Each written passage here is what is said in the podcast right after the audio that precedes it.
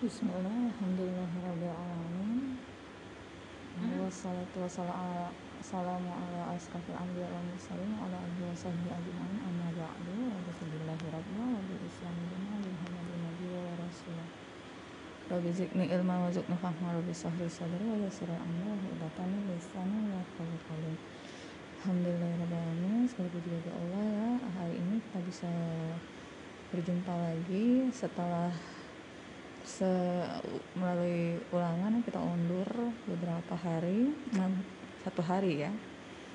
Ya semoga apa yang kita perjuangkan ini langkah-langkah kita dalam mencari ilmu ini dihitung oleh Allah pahala dan menjadi salah satu amalan jariah kita ya.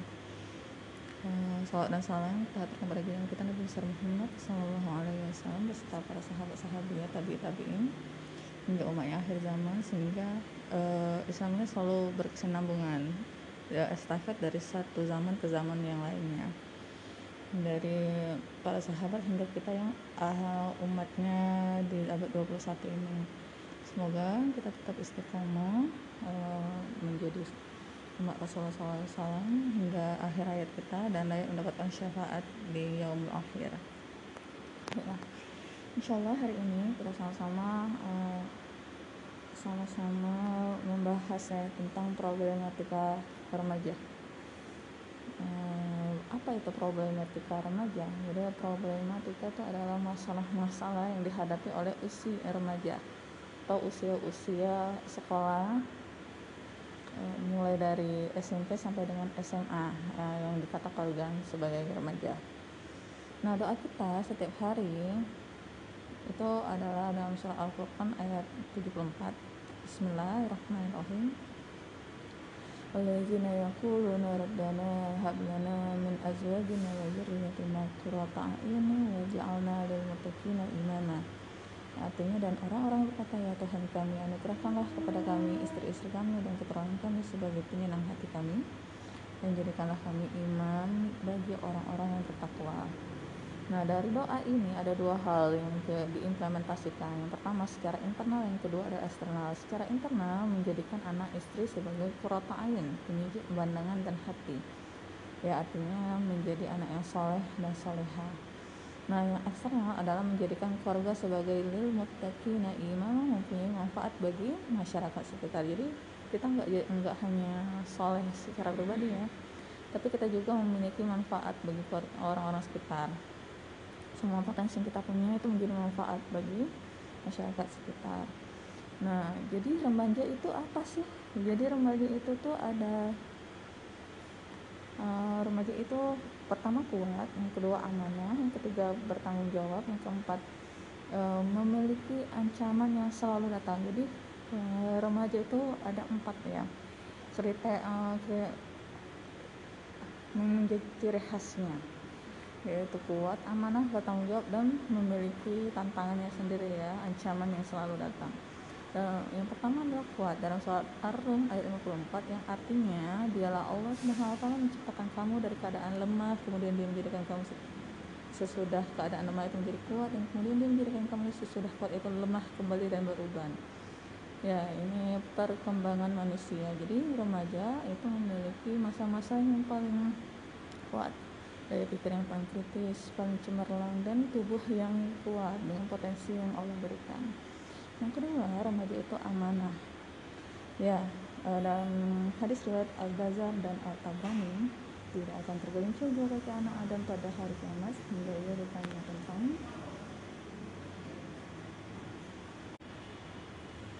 tentang uh, tentang empat perkara ya tentang usianya, apa ia habiskan, masa muda yang tak apa ia habiskan, hartanya dari mana ia peroleh dan ke mana yang membelanjakannya dan tentang ilmu yang apa yang diperoleh. Jadi remaja itu mempunyai ciri khasnya adalah amanah ya, yang dia punya tak, punya peran ya tentang usianya dan ilmu yang dimilikinya, potensi yang apa yang dia miliki. Ya, remaja yang ketiga dan ciri khas remaja dan yang ketiga ya bertanggung jawab dari hadis riwayat Abu Daud diangkat penah catatan amal dari ketiga orang yaitu yang tidur sampai ia bangun dari orang gila sampai sang gila dari anak-anak sampai berusia balik dan yang terakhir ciri khas dari remaja yaitu adalah ancaman selalu datang dalam surah Al-Baqarah 120, orang-orang Yahudi dan Nasrani tidak akan ridho kepadamu sampai engkau milah mereka. Nah, itu dia. Keunikan dari remaja. Remaja itu adalah kuat, dengan amanah, bertanggung jawab dan selalu datang. Jadi uh, seiring dengan potensi-potensi yang dimiliki, uh, kalau dibilang itu usia yang sedar bersinar-sinarnya, ibarat matahari matahari di pukul 12 jadi paling terjadi pikirannya paling cemerlang tubuhnya paling kuat hmm.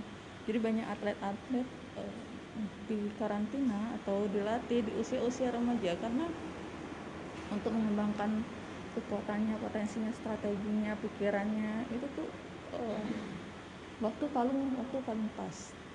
Nah itu adalah waktu kalian ketika SMA nah setelah kita melihat nih uh, remaja itu apa kita lihat bagaimana uh, problematikanya. Jadi kan kita judul hari ini adalah problematika remaja. Jadi masalah remaja itu apa aja sih? Kita lihat di next partnya ya. Kita masuk ke pembahasan problematika remaja part 2 ya. Uh, problema problematika masalah apa yang dihadapi oleh para remaja? Yang pertama itu ada gaya hidup. Jadi gaya hidup yaitu gila atau hobi bermain games ya apalagi kalau udah punya tang game punya HP di tangan masing-masing ya masing-masing kita udah punya HP nah ada kemungkinan uh, game uh, kita uh, problemnya yang pertama dari remaja adalah game online. Jadi faktanya ya uh, di tahun 2005 ada seorang remaja bernama Lee Song Ok tewas oleh karena bermain StarCraft terus ada juga Peter Burkoswi kayaknya orang Rusia ya usia, usia 18 tahun tewas oleh arcade nah terus ada juga di Cina nih masih Kui Qingwei membunuh temannya karena Dragon Sabre ini games. Dan ada juga Shawn Wally usia 21 tahun bunuh diri karena EverQuest dan ada lagi yang terakhir Xiao Yi 13 tahun bunuh diri lompat gedung karena War Warcraft. Jadi karena kalah bermain game atau karena dicurangi bermain game sehingga uh, hingga ya nggak pakai pikir lagi ya ngebunuh temannya. Ada juga selain itu tewas karena kecanduan. Jadi seorang pria warga Cina menghembuskan nafas terakhirnya setelah bermain games tiga hari berturut-turut tanpa henti. Karena udah kecanduan bermain game ah nanggung lah nanggung selesaiin game ini dulu level 1 dulu level 2 sampai lupa makan sampai lupa merawat dirinya sendiri. Nah dilansir melalui Fox News uh, tahun 2011 ya pria yang namanya tidak disebutkan itu tidak pernah tidur selama tiga hari berturut-turut. Ia pun tidak makan tidak beranjak satu jengkal pun dari komputernya. Main game aja udah menimbulkan masalah ya apalagi kayak sampai nggak ngerawat tubuh di mana manusia itu butuh bergerak.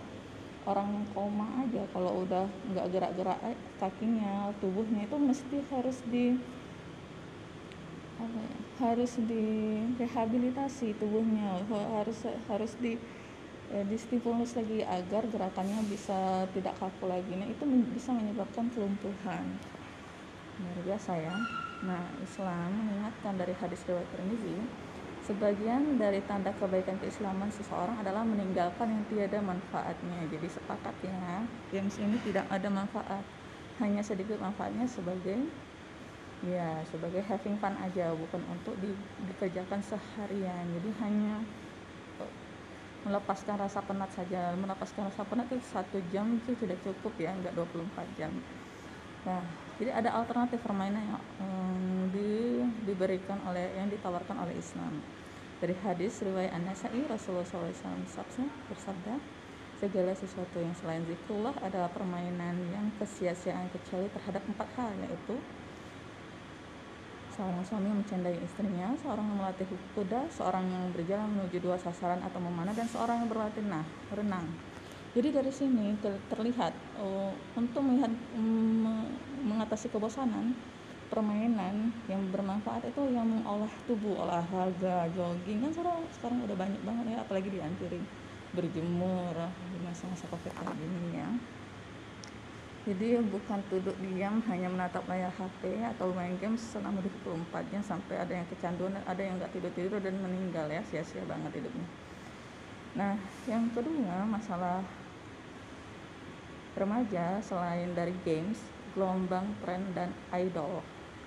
Nah jadi Bapak tak membicarakan antrian tiket konser itu sampai satu kilometer. Kalau sekarang tuh mungkin udah uh, dalam hitungan menit udah sold out ya dalam uh, hitungan setengah jam atau beberapa jam sudah sold out uh, ribuan tiket uh, untuk idol-idol lainnya terus tiketnya pun juga nggak murah-murah ya. Tiketnya ada yang sampai 400 sampai 2 juta 2000 eh, 250 ribu rupiah. Ada yang juga 5 juta ada juga yang 10 juta sesuai dengan tergantung kursinya masing-masing. Jadi menghabiskan 10 juta maksimal ya untuk menonton konser. Nah itu. Dan itu banyak banyak sekali testimoninya. Rela menabung bertahun-tahun agar bisa menghadiri konser itu tadi. Hanya untuk beberapa jam konser saja ya. Mungkin kalau bagi orang-orang yang udah kagum banget sama idol dia nggak masalah. Tapi kalau kita ngelihatnya kayaknya jadi sebenarnya bisa lah dimanfaatin uangnya untuk kegiatan lain kegiatan berbagi yang lain. Nggak mesti semuanya. Se seperlima eh seperempatnya aja kok. Atau 2,5 persennya aja kayak gitu dikeluarin untuk ngebantuin saudara-saudara kita yang membutuhkan ya termasuk hari ini ya kita harus peka ya dengan saudara-saudara kita yang ada di Semeru di Lumajang. Karena tertimpa musibah. Semoga Allah uh, angkat musibahnya dan oh, berikan ketabahan bagi saudara-saudara kita dan bagi teman-teman yang bisa membantu disegerakan ya untuk membantu. Kapan lagi nggak kita nggak bisa nggak tahu ya kapan kita bisa membantu saudara-saudara kita.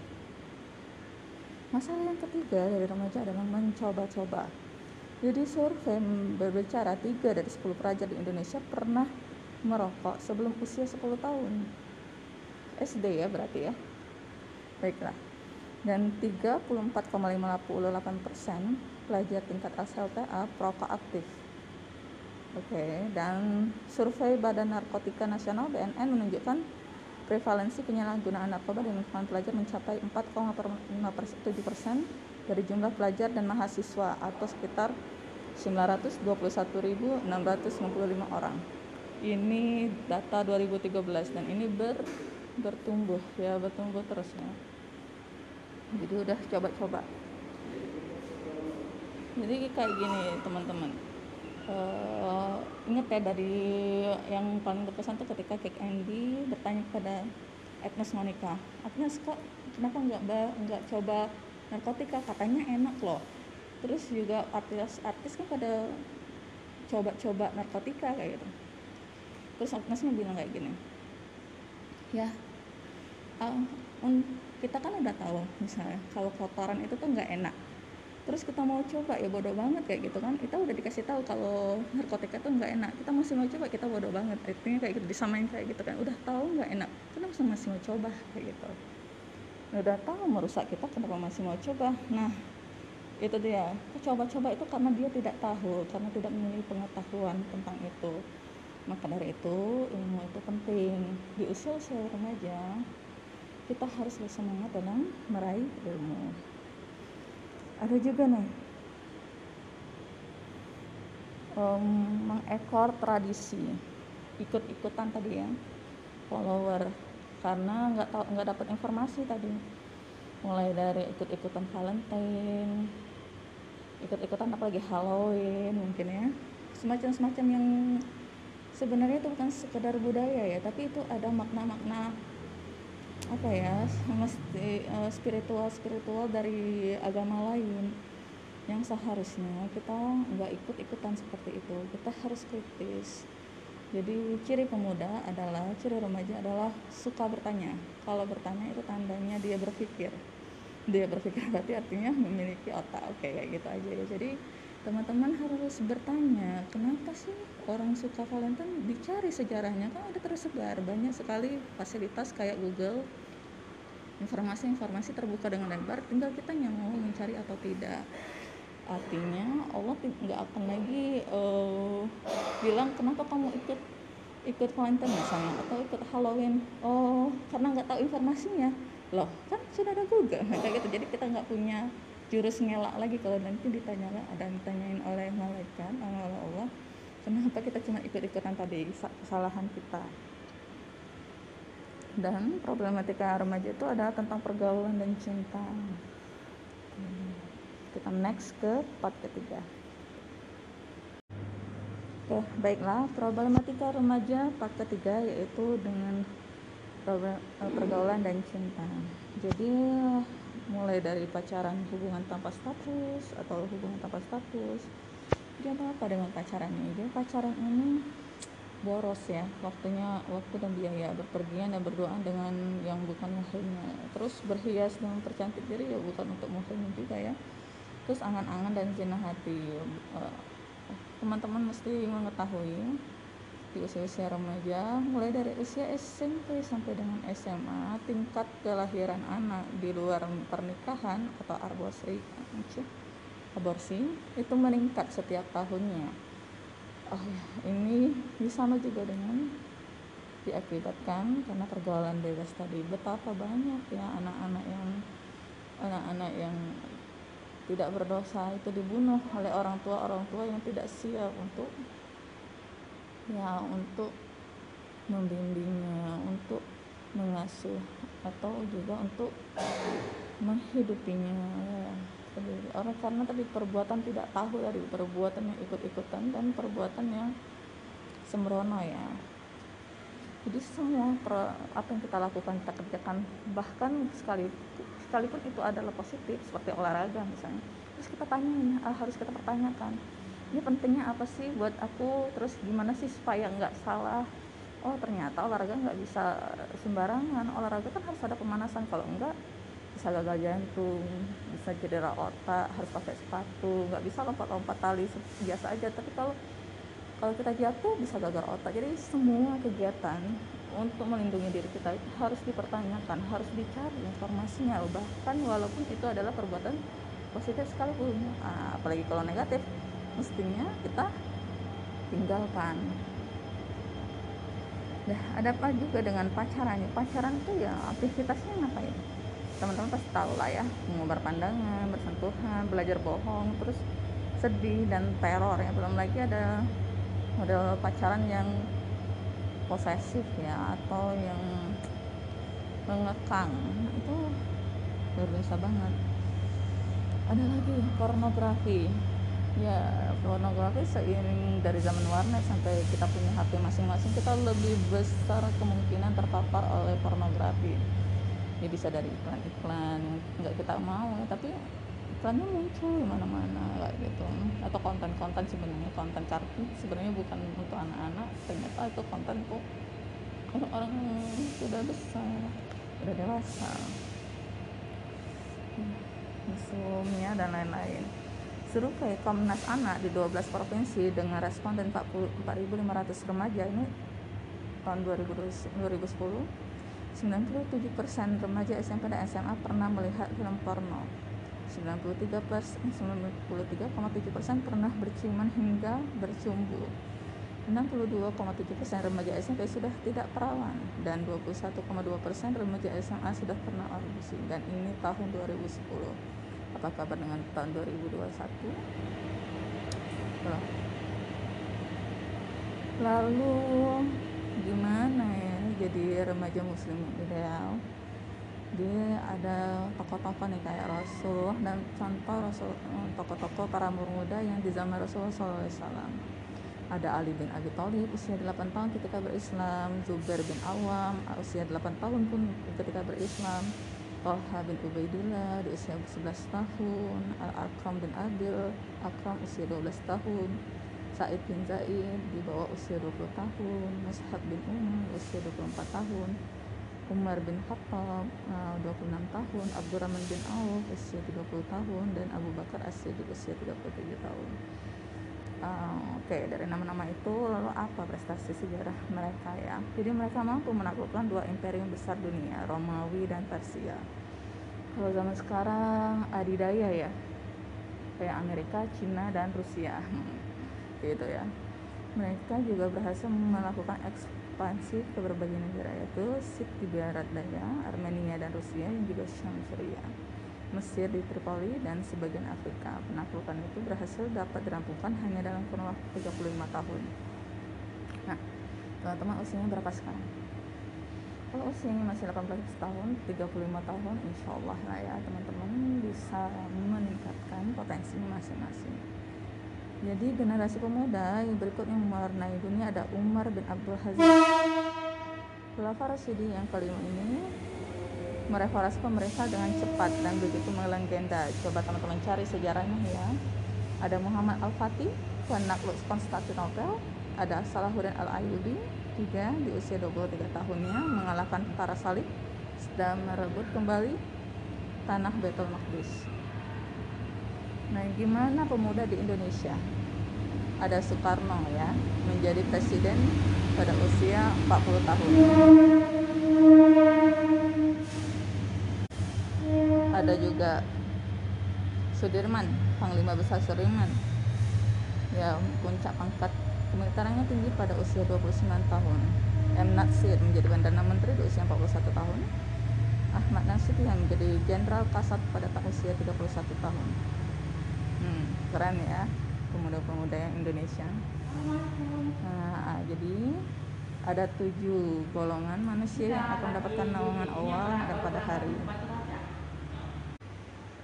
Ya kita ulang ya dari ada tujuh golongan manusia yang mendapat nama Allah pada hari yang tidak ada namun kecuali darinya. Pemuda yang menyibukkan diri dengan ibadah kepada roh ini salah satunya ya hadis riwayat Bukhari. Jadi istiqomah ya ambil kesempatan uh, ambil kesempatan seperti dalam hadis Al Bahaki manfaatkanlah yang lima sebelum datang lima. Masa mudamu sebelum datang masa tuamu masa sehatmu sebelum datang masa sakitmu masa kayamu mas sebelum masa datang masa miskinmu masa hidupmu sebelum datang masa matimu dan masa luangmu sebelum datang masa sibukmu. Ya pemuda banyak banget ya masa luangnya ya semoga Allah mudahkan. Dan kita tetap optimis ya bisa menjadi lebih baik walaupun diterpa banyak sekali nah, rintangan-rintangan tantangan zaman kita hadapi. Cuma satu ditambahin ilmunya juga terus terus belajar dan cari pengetahuan ya. Demikianlah bahagia maaf ada segala salah dan wassalamualaikum warahmatullahi wabarakatuh